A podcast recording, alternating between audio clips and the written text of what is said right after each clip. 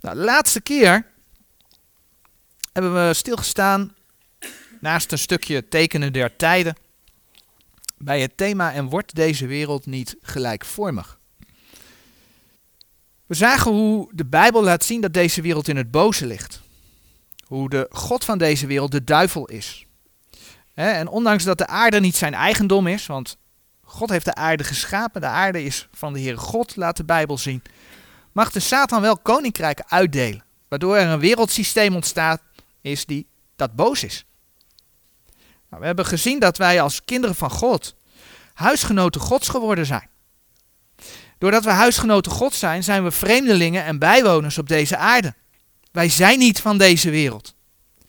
Nou, we zijn niet van deze wereld, maar de Heere God roept ons dus ook op om niet wereldgelijkvormig te worden. Door wereldgelijkvormig te worden kunnen we schade lijden in de eeuwigheid, kunnen we geen vrucht dragen. Maar we zagen dat die boze wereld, dat huidige wereldsysteem, dat gaat verdwijnen. En het is niet altijd even makkelijk, maar door ons vlees te bedwingen kunnen we strijden voor loon in de eeuwigheid. Dat is wat de Bijbel laat zien, dat is wat de Heer laat zien in zijn woord. Als we ons richten op de Heer, ons vullen met zijn woord, proberen om niet wereldgelijkvormig te zijn, dan zal de Heer ons ook zijn wil voor ons leven duidelijk maken. We zagen als voorbeeld een stukje uit het leven van Daniel. En ondanks dat hij te midden van de wereld was en de wereld hem probeerde te veranderen, koos Daniel er bewust voor om zich aan Gods woord te houden. En de Heere zegende hem. En zo zagen we hoe we praktisch gezien enerzijds ervoor kunnen kiezen om ons af te scheiden van de wereld, ons er niet mee te vermengen. Dat is iets wat niet altijd lukt, hè? want ja, we leven te midden van deze wereld. Dus anderzijds zagen we zoals Daniel, er bewust voor kunnen kiezen om niet wereldgelijkvormig te worden en ons te houden aan Gods woord. Niet mee te doen met de wereld. Maar vanmorgen gaan we dus met een heel ander thema bezig. En uh, dan willen we allereerst een klein stukje uit Matthäus 3 lezen. Matthäus 3.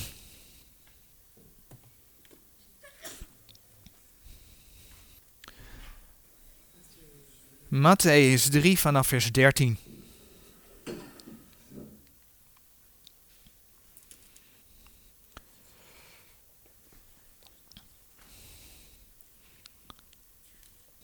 En daar lezen we dan als volgt. Toen kwam Jezus van Galilea naar de, naar de Jordaan tot Johannes, om van hem gedoopt te worden. Doch Johannes weigerde hem zeer, zeggende, mij is nodig van u gedoopt te worden, en komt gij tot mij?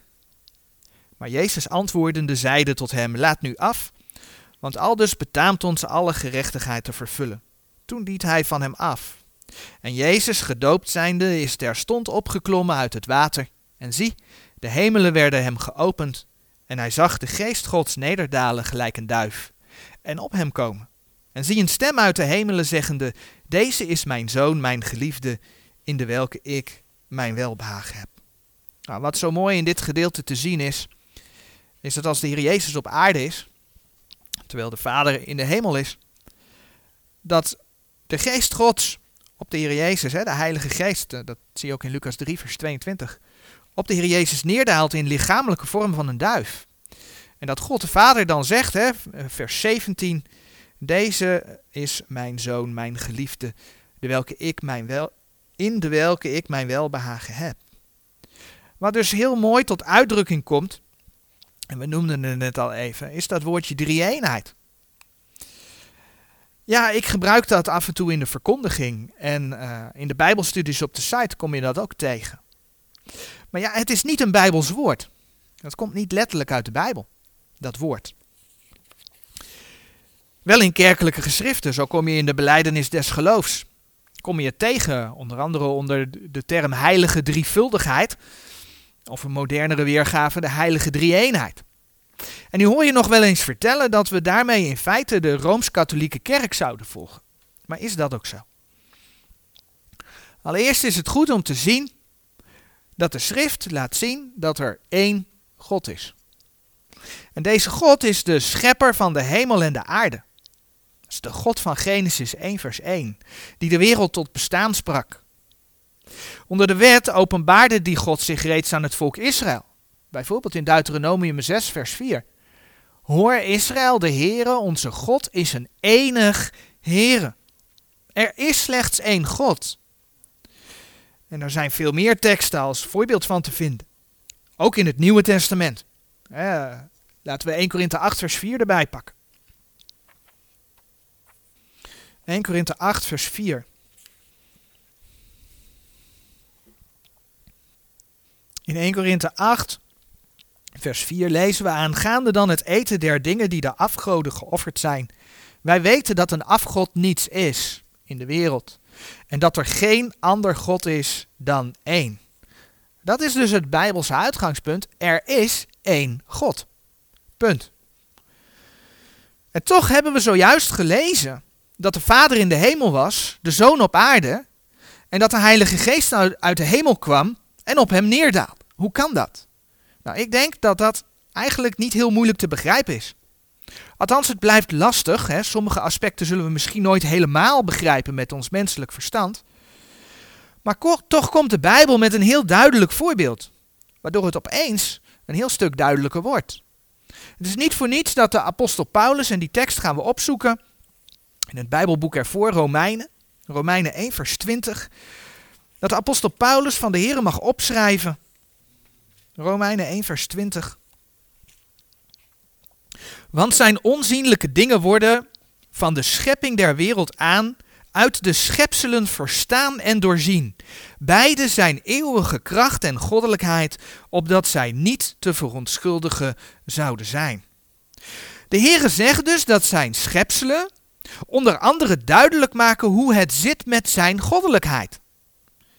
Nu, als een mens zijn we een schepsel van God. En notabene, Genesis 1 vers 26, geschapen naar het beeld van God. Hoe zijn wij geschapen? Nou, Genesis 2 vers 7, de tekst verschijnt op de dia. En de Heere God had de mens geformeerd uit het stof der aarde, hè, zijn lichaam gemaakt. En in zijn neusgaten geblazen de adem des levens. Die mens had een geest, die toen bij de schepping nog een levende geest was. Alzo werd de mens tot een levende ziel. De mens heeft, de mens is een ziel. En ja, dit wordt in het Nieuwe Testament nog eens bevestigd. Want wat zegt de Heer in 1 Thessalonicense 5 vers 23? En de God des vredes zelf heilig u geheel en al, en uw geheel oprechte geest en ziel en lichaam worden onberispelijk bewaard in de toekomst van onze Heer Jezus Christus. Weliswaar hebben wij door de zondeval dat beeld van God deels verloren. Onze natuurlijke status is niet meer wat het geweest is. De menselijke geest is van nature dood voor God. We moeten niet voor niets wederom geboren worden. Maar toch bestaat die ene mens nog steeds uit drie. Zoals we hier zitten, of zoals je misschien naar de audio-opname luistert, ben je één mens. En toch besta je volgens Gods woord uit drie delen: geest, ziel en lichaam. En daarmee verklaart de schrift dat er wel degelijk een drie-eenheid bestaat. Een ander voorbeeld, weliswaar niet zozeer een schepsel, maar ook uit de schepping is water. Water is één ding, chemisch gezien H2O. En toch verschijnt het zowel als ijs, het verschijnt als vloeistof en het verschijnt als damp. Wanneer water bevriest, dan wordt het vast en dan kennen we het als ijs. Maar het is nog steeds water. En het is ook nog steeds die chemische formule H2O. Wanneer het ijs smelt, dan wordt het vloeibaar. En dan herkennen we het weer als water. De chemische stof H2O. Wanneer je, wanneer je water gaat verdampen, en deze foto is van een gijzer, daar, daar, daar komt heet water uit de grond. En wat je daar dus omheen ziet, is dat er een hoop damp bij vrijkomt. Want als je water gaat verwarmen, dan komt er een moment dat het water gaat verdampen. Je krijgt dan waterdamp. Maar ook dan is het nog steeds water. Nog steeds die chemische stof H2O. Alleen in dampvorm. Water is dus water dat in drie verschillende vormen verschijnt. En het leuke is, En dat geldt niet voor alle moleculen, maar wel voor het watermolecuul. Als je naar het ene molecuul water kijkt, hier op deze manier weergegeven, dan zie je ook dat het bestaat uit drie atomen. het is H2O, twee haartjes en één O. Hier is het op een iets andere manier weergegeven, maar je ziet nog steeds de twee haartjes en de ene O. Dat is één molecuul water. En samen vormen ze dus de drie eenheid water. Wat wel weer voor elke atoomsoort geldt. Hier zie je een atoom afgebeeld. Is dat het bestaat uit drie soorten deeltjes. In de kern van een atoom zitten protonen en neutronen en om de kern bewegen elektronen. Dat zijn drie soorten deeltjes die samen een atoom vormen, ook een drie-eenheid. Een drie-eenheid is een verschijnsel van de natuur waarvan God de schepper is. Hij heeft het gemaakt. Nou, als we naar dergelijke voorbeelden kijken, dan hoeft het ook niet meer moeilijk te zijn om te begrijpen dat God een drie-eenheid is. Eén en toch bestaand uit drie. En zojuist hebben we daar al even een voorproefje van gezien. En we komen het natuurlijk veel vaker tegen in de Bijbel. Zo lezen we in 2 Korinthe 13, vers 13. De genade van de Heer Jezus Christus en de liefde Gods en de gemeenschap des Heilige Geestes zij met u allen. Amen. Zo spreekt de Heere God in Genesis 1 van zichzelf in enkelvoud, maar toch ook in meervoud. En ik noemde de tekst al even en laten we het erbij gaan pakken. Genesis 1 vers 26.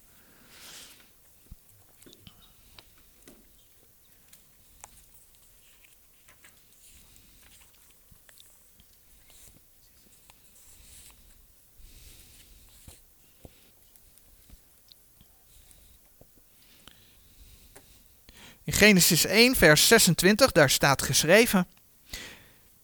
En God zeide, laat ons mensen maken, naar ons beeld, naar onze gelijkenis. En dat zij heerschappij hebben over de vissen der zee en over het gevogelte des hemels en over het vee en over de gehele aarde en over al het kruipend gedierte dat op de aarde kruipt. Het gaat natuurlijk om het beginstukje. En God zeide, laat ons mensen maken naar ons beeld, naar onze gelijkenis. God spreekt hier niet over beelden of gelijkenissen, maar over beeld, over gelijkenis. Dat is enkelvoud. Maar het vers zegt wel ons beeld, onze gelijkenis. En daaruit blijkt dat iemand die één is, toch uit meer kan bestaan. Even terug naar onszelf, kijk in de spiegel. Je bent toch ook niet de drie mensen? En toch kijk je naar lichaam, ziel en geest. En dan weer terug naar de Heere God, die sprak over ons. In Genesis 1, vers 2. Genesis 1, vers 2. Daar lezen we. De aarde nu was woest en ledig en duisternis was op de afgrond en de geest Gods zweefde op de wateren. Zo zien we dus dat Gods geest over de wateren zweefde en dat God, God de Vader, sprak. In Genesis 1, vers 3 lezen we. En God zeide, daar zij licht. En daar werd licht. Maar hoe heeft God gesproken? Hoe sprak God? Dat heeft hij middels zijn woord gedaan. En wat blijkt? Zijn woord, die wij kennen als het vlees geworden woord. De Heer Jezus had daar een aandeel in. Buiten het feit dat we in Genesis 1 lezen en God zeide, lezen we in Johannes 1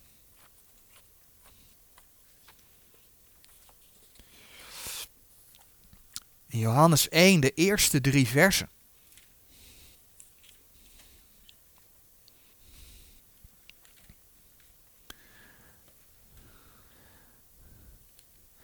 Johannes 1 vanaf vers 1. In den beginnen was het woord en het woord was bij God en het woord was God. Dit was in den beginnen bij God. Alle dingen zijn door hetzelfde gemaakt en zonder hetzelfde is geen ding dat gemaakt is. En dan blijkt uit Johannes 1, vers 14 dat het daadwerkelijk om de Heer Jezus gaat. En het woord is vlees geworden en heeft onder ons gewoond. En wij hebben zijn heerlijkheid aanschouwd. Een heerlijkheid als des eniggeborenen van den Vader, vol van genade en waarheid. Zo zien we dus duidelijk dat zowel de Vader als het Woord, de Zoon, als de Heilige Geest in de schepping actief waren. Vandaar ook dat de ene God zei: laat ons mensen maken. Bij de geboorte van de Heer Jezus, zijn vleeswording, zien we eigenlijk hetzelfde gebeuren. Zowel God de Vader als God de Zoon, als de Heilige Geest spelen daar een rol in. En worden ieder wel degelijk ook apart genoemd. in Johannes 3, vers 16. Daar lezen we. Want al zo lief heeft God, God de Vader, de wereld gehad, dat hij zijn enige geboren zoon, de zoon, gegeven heeft opdat een iegelijk die in hem gelooft niet verderven, maar het eeuwige leven hebben. Het mag duidelijk zijn dat zowel de vader als de zoon betrokken zijn in de vleeswording. De zoon werd geboren en die werd Jezus genoemd. Bladeren we terug naar Matthäus. Hij werd Jezus genoemd of Immanuel. En wat betekent Immanuel? Matthäus 1 vers 23, dat betekent God met ons. En dan lezen we in Matthäus 1 vers 18 dat ook de Heilige Geest in die vleeswording betrokken was. Matthäus 1 vers 18.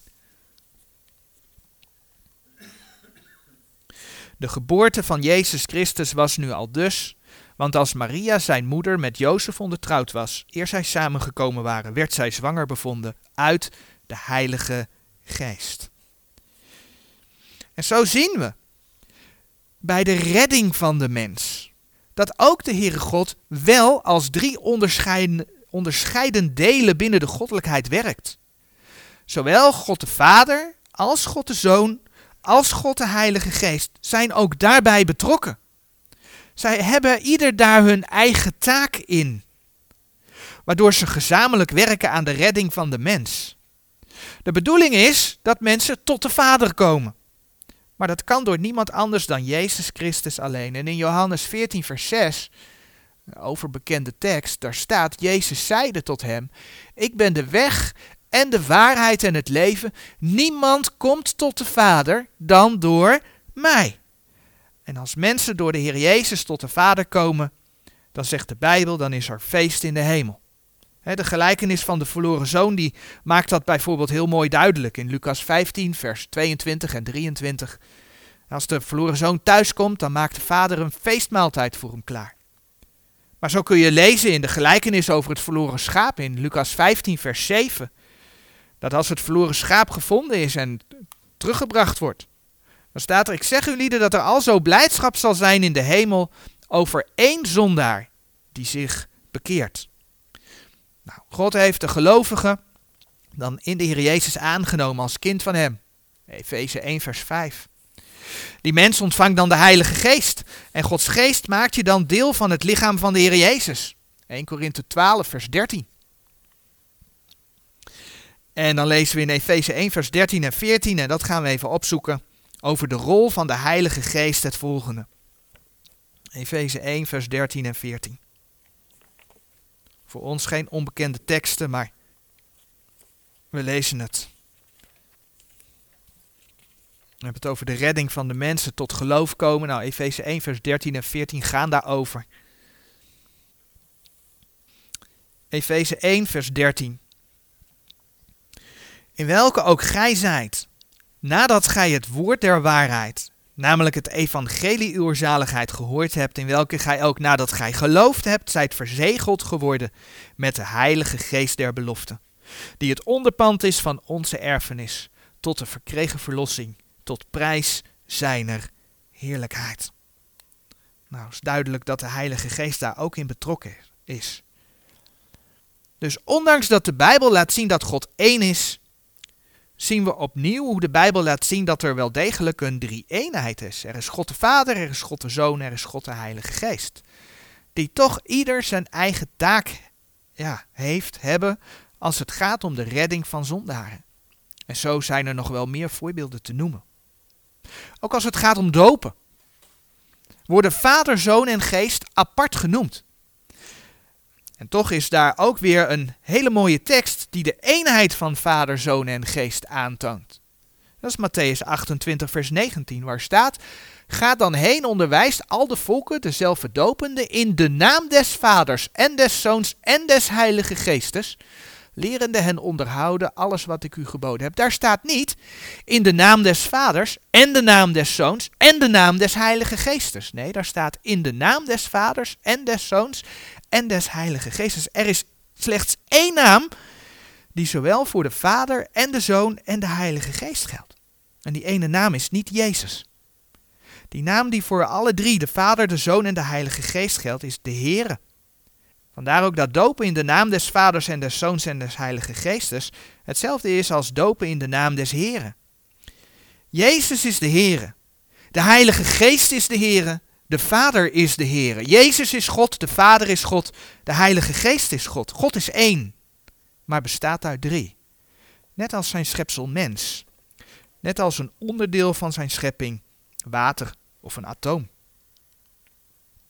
Zojuist heb ik genoemd dat zowel de Vader als de Zoon als de Heilige Geest ieder wel aparte taken hebben binnen de Godheid.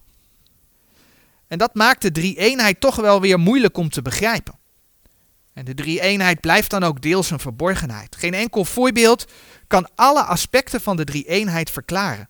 We kunnen niet volledig verklaren hoe de Heer Jezus kan zeggen, Johannes 14, vers 28, want mijn Vader is meerder dan ik als beide hetzelfde in wezen zijn. Dat is dan alleen te verklaren op grond van het feit dat wanneer de Heer Jezus deze uitspraak doet, dat hij op aarde in menselijke vorm aanwezig is. En de Vader niet.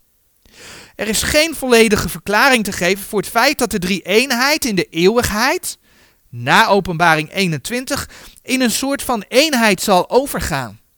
Wanneer de Zoon het koninkrijk aan de Vader zal overgegeven hebben. 1 Korinthe 15, vers 24. Hij zelf zal dan als het ware in de Vader opgaan, zodat God zal zijn alles in alle. 1 Korinthe 15, vers 28. Eigenlijk zoals het voor de tijd van Genesis 1, vers 1 was. Echter ook dan blijft deels het onderscheid, want Openbaring 22, vers 1 en 3, daar hebben we het wel eens eerder gehad, spreekt over de troon Gods en des Lams. Er is dan dus één troon voor God de Vader en de Zoon.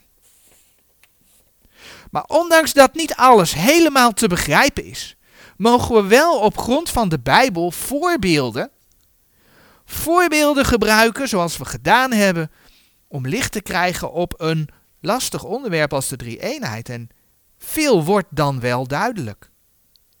Door de verschillende taken binnen de drie-eenheid.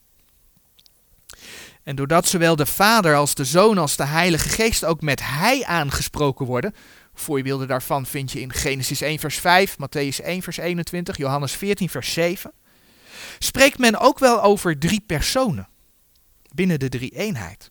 Dat heb ik ook wel gedaan.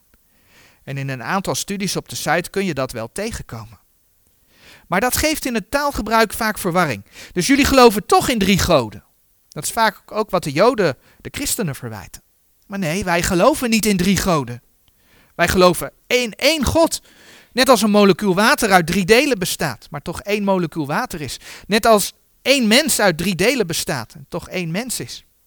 Maar wat wij als mens niet kunnen, maar wat die ene God blijkbaar wel kan, is dat die ene God op verschillende manieren verschijnt.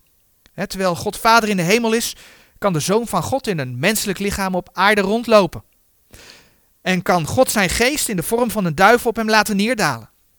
Terwijl de zoon bij de vader is, kan de Heere zijn geest in de harten van mensen uitzenden. Of nog moeilijker, Johannes 3, vers 13. En niemand is opgevaren in de hemel dan die uit de hemel nedergekomen is, namelijk de zoon des mensen die in de hemel is. De meeste nieuwe vertalingen heeft men die in de hemel is weggelaten. Maar het feit dat de Heer Jezus zowel op de aarde kan zijn, als tegelijkertijd in de hemel, want dat is wat daar staat, betekent dus dat hij niet los te zien is van God de Vader die hem gezonden heeft. En tja, dat is misschien wel moeilijk te begrijpen. Maar de schrift getuigt ervan. In plaats van over drie personen te spreken, alhoewel het eigenlijk niet echt fout is, is het misschien beter om te zeggen dat de ene God zichzelf op verschillende wijzen manifesteert. Zoals wij, het schepsel, geschapen naar het beeld van God, een ziel, een lichaam en een geest hebben, zo heeft God een ziel, de Vader, een lichaam, de Zoon, en een geest, de Heilige Geest. Onze ziel kunnen wij niet zien. Zo is ook God de Vader onzichtbaar. En in 1 Timotheus 1 vers 18, en die tekst zoeken we erbij, 1 Timotheus 1 vers 18. Daar lezen we over de onzienlijke God.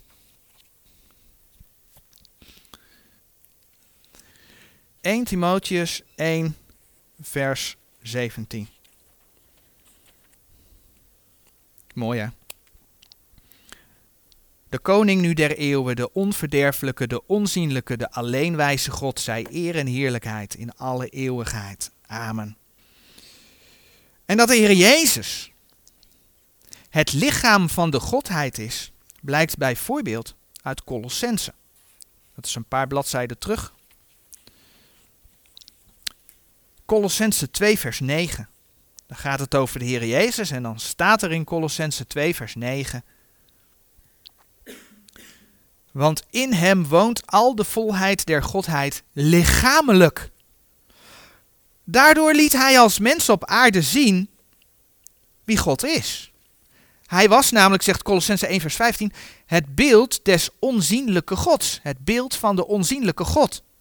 En juist daardoor heeft de Heer Jezus op aarde verklaard wie God is. Bladeren we terug naar Johannes. Johannes 1 vers 18.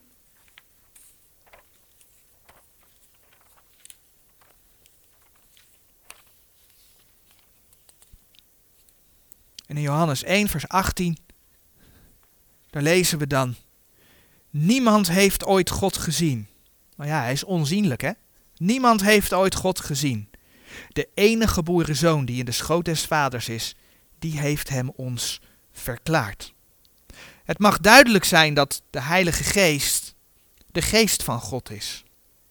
En zoals wij als ziel, lichaam en geest één zijn, een drie-eenheid, zo is ook God als Vader, Zoon en Geest één, de drie-eenheid.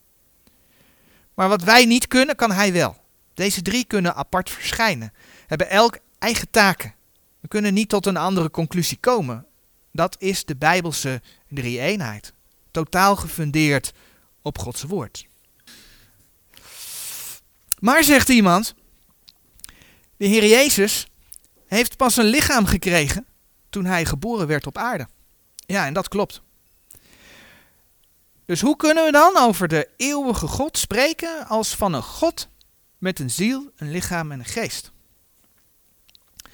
Het punt is dat de Heer Jezus inderdaad het vleesgeworden woord is. Johannes 1, vers 14. Vanaf het moment dat hij geboren is in Bethlehem. Maar dat betekent niet, en dan komt hij, dat hij daarvoor niet in menselijke gelijkenis op aarde verscheen. Integendeel.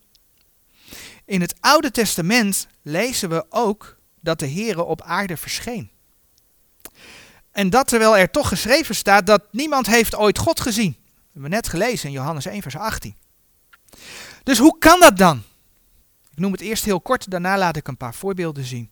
Nou, in het Oude Testament verscheen de Heere als de engel des Heren op aarde. En die verschijning spraken de mensen aan met Heren.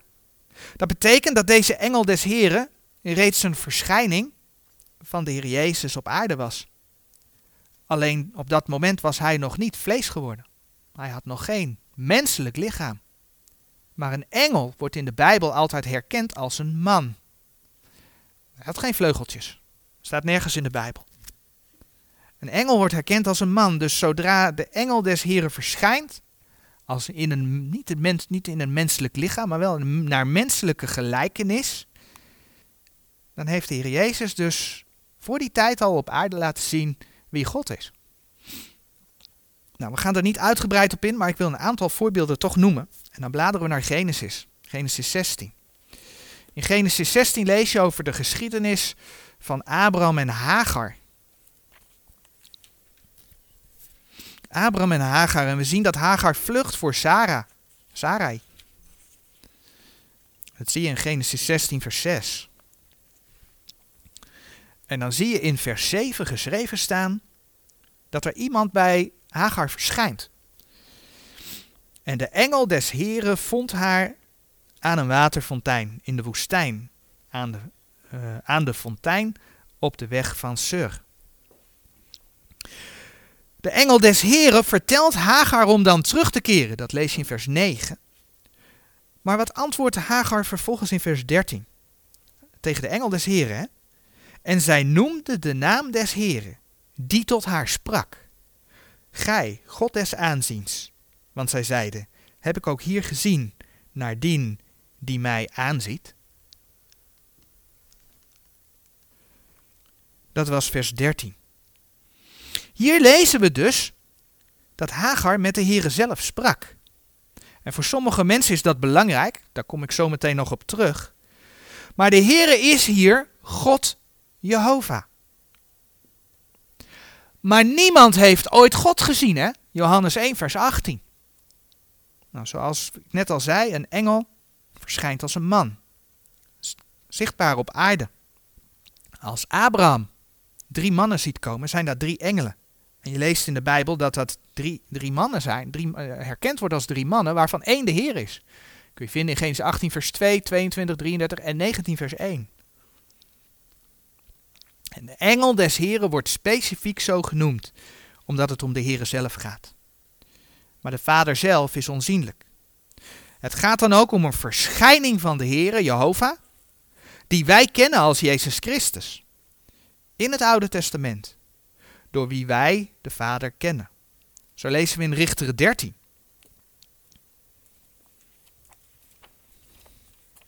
Richteren 13.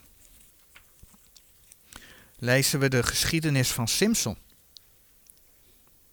En de geboorte van Simson wordt aangekondigd. En dan lees je in vers 3 dat de engel des Heren verschijnt aan de ouders van Simson. Richteren 13, vers 3. En een engel des Heren verscheen aan deze vrouw. En hij zeide tot haar: Zie nu, gij zijt ontvruchtbaar en hebt niet gebaard, maar gij zult zwanger worden en een zoon baren. Je komt uh, andere benamingen voor deze engel des Heren tegen in vers 6 en vers 13. Maar kijk wat er in Richteren 13, vers 17 gebeurt. En Manoach zeide tot de engel des Heren: Wat is uw naam? Opdat wij u vereren wanneer uw woord zal komen.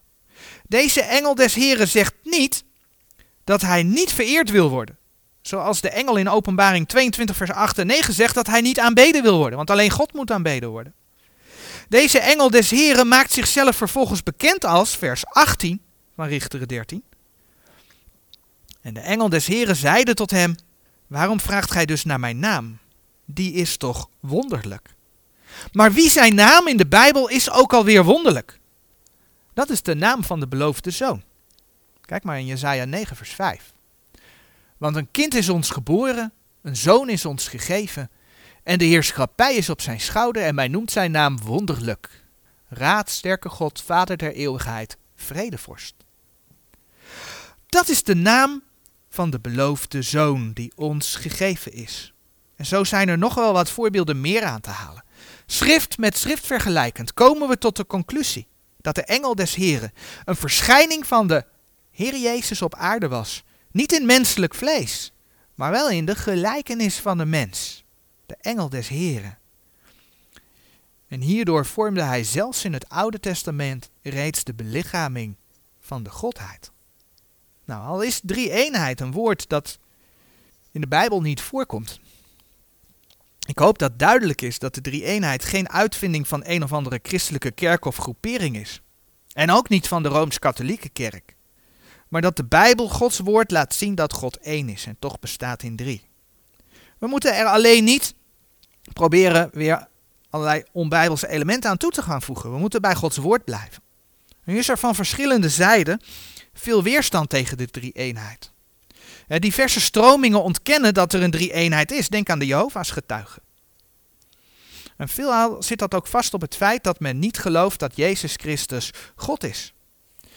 Iets wat overigens ook door het NBG, het Nederlands Bijbelgenootschap, ontkend wordt. Wat tot uitdrukking komt in de diverse nieuwe vertalingen. Overigens heb ik daar in de doopdienst vorig jaar in, in, in het boekje ook een stukje over geschreven. Dat het NBG ontkent dat Jezus Christus God is. En dat je ook ziet hoe dat in de nieuwe vertalingen uh, tot uiting komt. Maar dan komen we ook bij een stukje tekenen der tijden. De eindtijd wordt gekenmerkt, hè, 2 Thessalonicense 2 vers 3, door afval van het geloof. Het gaat dus niet zozeer om mensen die nog nooit van het geloof van de Heere God gehoord hebben, maar mensen die christen zijn. Of zich in ieder geval tot het christendom rekenden en die zich steeds verder van het geloof afkeren.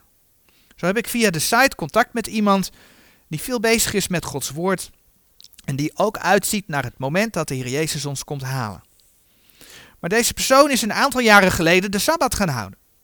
Toen dit gebeurde, uh, heb ik mogen aangeven dat de Sabbat een teken is tussen God en Israël. En dat de Heer aangeeft dat de gelovigen uit de heidenen niet de wet moeten gaan houden. Handelingen 15 aangehaald. De Heer is heel duidelijk in zijn woord. Maar nee, deze persoon gaf aan in de Heer Jezus te geloven, maar het voelde zo goed om de Sabbat te houden. Nou, als iemand daar zo'n standpunt in inneemt, dan zegt de Bijbel ook dat je iemand die ruimte moet geven. we moeten iemand niet veroordelen naar het houden van dagen, staat er geschreven.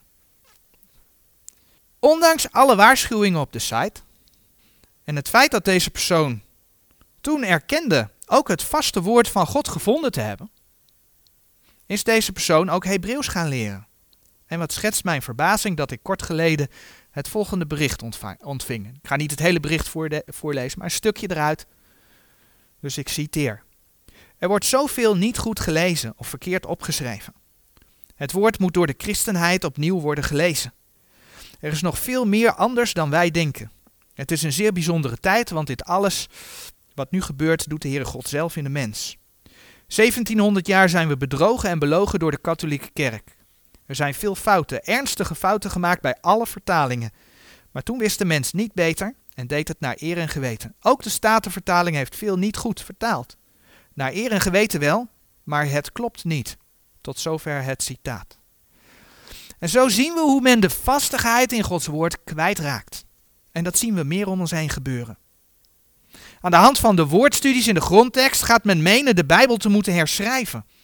En zo zien we hoe triest ook hoe de zogenaamde grondtekst en overigens een hang naar iets te willen doen, hè? We moeten iets doen voor God. Wetticisme. Hoe dat slachtoffers maakt. Wat gebeurde er? Mij werd geschreven dat de drie eenheid totaal onbijbels was. Want Jezus Christus was er niet altijd geweest. Hij is niet God. Dat is niet wat ik zeg, hè? Dat is wat mij verteld werd. De Heer Jezus zou nergens zeggen dat hij God is. Het laat ons mensen maken zou geen betrekking hebben op de drie eenheid, die niet zou bestaan, maar op Gods hemelse hofhouding. God zou de engelen bij de schepping betrokken hebben. Verder wordt er dan verwezen naar Psalm 2, vers 7, waar de Heer zegt: Heden heb ik u gegenereerd. Wat zou inhouden dat de Heer er nog niet was, maar verwekt werd. De Heer Jezus was dus ook niet bij de schepping betrokken. En zo nog een aantal teksten meer. Als antwoord heb ik in eerste instantie beaamd dat de Heer Jezus op aarde inderdaad verwekt is. Dat klopt. Hij is niet voor niets het vlees geworden woord. Hè? Psalm 2 vers 7 was dus een profetie van die gebeurtenis. En ja, die, die profetie is vervuld. Klopt. Maar van dat woord zegt Johannes 1 vers 1 tot en met 3, en dat hebben we vanmorgen gelezen, dat het in het begin bij God was. En dat het woord zelf God was. En doordat het woord God was en vlees geworden is, kan de Bijbel terecht zeggen in 1 Timotheus 3, vers 16. En buiten alle twijfel, de verborgenheid der godzaligheid is groot. God is geopenbaard in het vlees. En zien we dat daar ook staat dat het een verborgenheid is? Ja, het is een verborgenheid. En wat je ziet gebeuren is dat mensen weer verblind worden. En dat datgene wat ze geopenbaard is, dat ze dat de rug toekeren. Dat zie je gebeuren. Ze keren het gewoon de rug toe. Ook Colossense 1, vers 16 en 17, uh, eh, en, uh, laten we die even opzoeken, heb ik aangehaald wat over, waarover de Heer Jezus geschreven staat, dat hij toch echt wel bij de schepping betrokken was. Colossense 1, vers 16 en 17.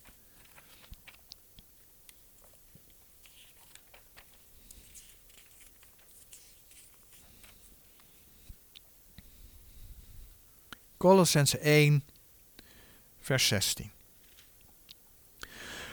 Want door hem zijn alle dingen geschapen, die in de hemelen en die op de aarde zijn, die zienlijk en die onzienlijk zijn. Het zij tronen, het zij heerschappijen, het zij overheden, het zij machten, alle dingen zijn door hem en tot hem geschapen. En hij is voor alle dingen en alle dingen bestaan tezamen door hem. De Bijbel getuigt op zoveel plaatsen dat Jezus Christus God is. Maar ook dat hij bij de schepping was. Ja, dat door hem alle dingen geschapen zijn. En dat zien we heel gewoon door schrift met schrift te vergelijken. En vervolgens werd ik natuurlijk op het Hebreeuws gewezen, waar in Psalm 110, vers 1 het volgende staat, een, profetie. De Heere heeft tot mijn Heere gesproken.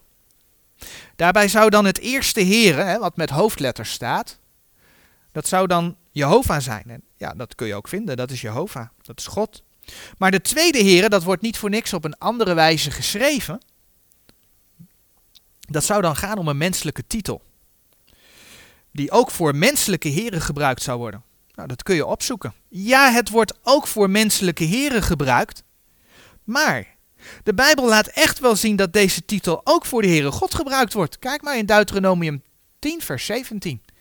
Want de Heere, hè, met, met grote letters, Jehovah, uw God is een God der goden.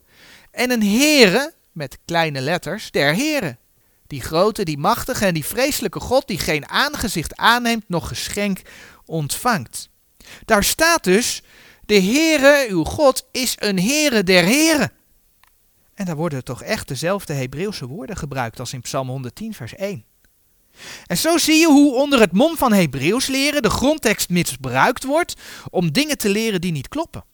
En mensen lopen er gewoon achteraan. Zo laat de Bijbel onder andere zien dat de Heer Jezus in het Nieuwe Testament zichzelf openbaart onder de naam Ik ben de Alpha en de Omega, het begin en het einde, zegt de Heer, die is en die was en die komen zal. Dat vind je in Openbaring 1 vers 8, maar dat kun je ook vinden in Openbaring 1 vers 11, Openbaring 21 vers 6 en Openbaring 22 vers 13. En wat lezen we dan in de profeet Jezaja? Jezaja 41 vers 4, laten we dat erbij pakken.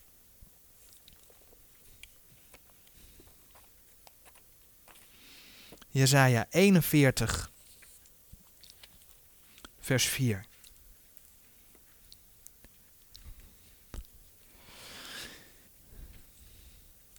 In Jesaja 41, vers 4, daar lezen we, Wie heeft dit gevrocht en gedaan?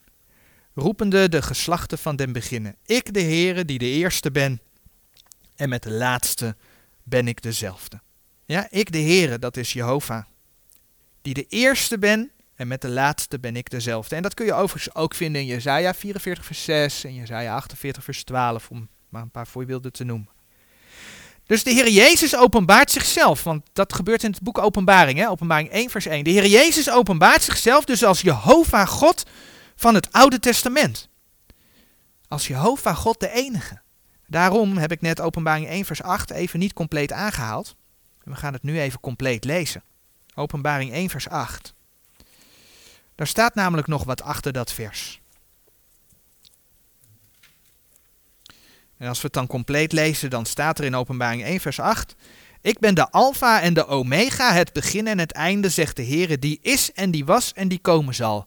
De Almachtige. Daar heb je het. Zo zijn er nog wel veel meer voorbeelden aan te halen waaruit blijkt dat Jehovah God dezelfde is als de Messias. Zacharia 12 vers 1 en 10, Jezaja 9 vers 5 en 10 vers 20 en 21. Maar het aanhalen van de belofte in Gods woord dat de Heer zijn woord voor ons zou bewaren. Dat is Psalm 12, vers 7 en 8. Dat hij zijn kinderen niet 1700 jaar zonder zijn woord zou laten zitten. Van het feit dat de Reformatiebijbel, dus onder andere onze Statenbijbel, juist door Rome op een lijst met verboden boeken is geplaatst. Dat degenen die de Griekse en Hebreeuwse woordenlijsten voor deze eeuw hebben samengesteld, juist een hang hadden naar het occulte. En de Griekse betekenis, of zelfs de betekenis die buurvolken van Israël hadden, voor een woord belangrijker vonden dan de bijbelse methode van schrift met schrift vergelijken. In het door de Here bewaarde woord van God. Dat vindt geen gehoor meer. Het antwoord wat ik van de bewuste persoon kreeg was dan ook duidelijk en ik citeer weer een stukje. Nee, de Messias was niet bij de schepping aanwezig. De Messias was geheel gevolmachtigd. De Messias heeft alle macht die hem wordt toebedeeld door de Vader. Geen almacht. Tot zover het citaat.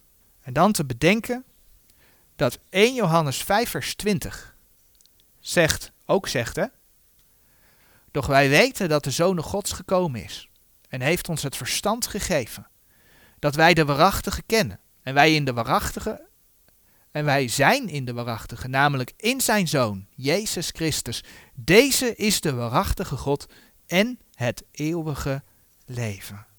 Deze is de waarachtige God. En in hetzelfde antwoord blijkt deze persoon dan ook bezig te zijn om de verlossing door de Heer Jezus voor zichzelf te herformuleren. Ik citeer weer een stukje. De Messias is onze losser, niet onze verlosser, en was volledig mens, de profeet die verwacht werd. Tot zover het citaat. Wat als de Heer Jezus alleen maar volledig mens was? Dat kan toch niet? Gods woord zegt toch dat hij weliswaar naar het vlees uit het zaad van David was, hè? Romeinen 1 vers 3. Maar dat hij ontstaan is uit de Heilige Geest, Matthäus 1 vers 18.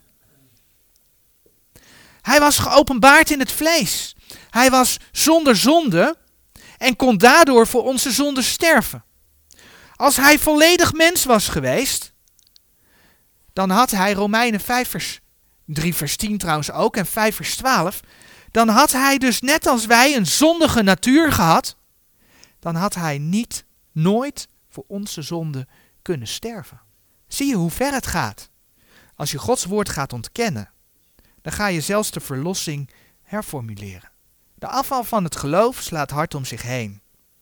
Gelukkig mogen wij zien door schrift met schrift vergelijken dat Gods woord gewoon klopt. Het enige wat we moeten doen is het woord ook accepteren. Ook als er soms onderdeeltjes in zitten die we misschien nog niet helemaal kunnen begrijpen. Maar God is de drie enige God die naar ons heeft omgezien. Hij is de Alpha en de Omega. Het begin en het einde. De Almachtige.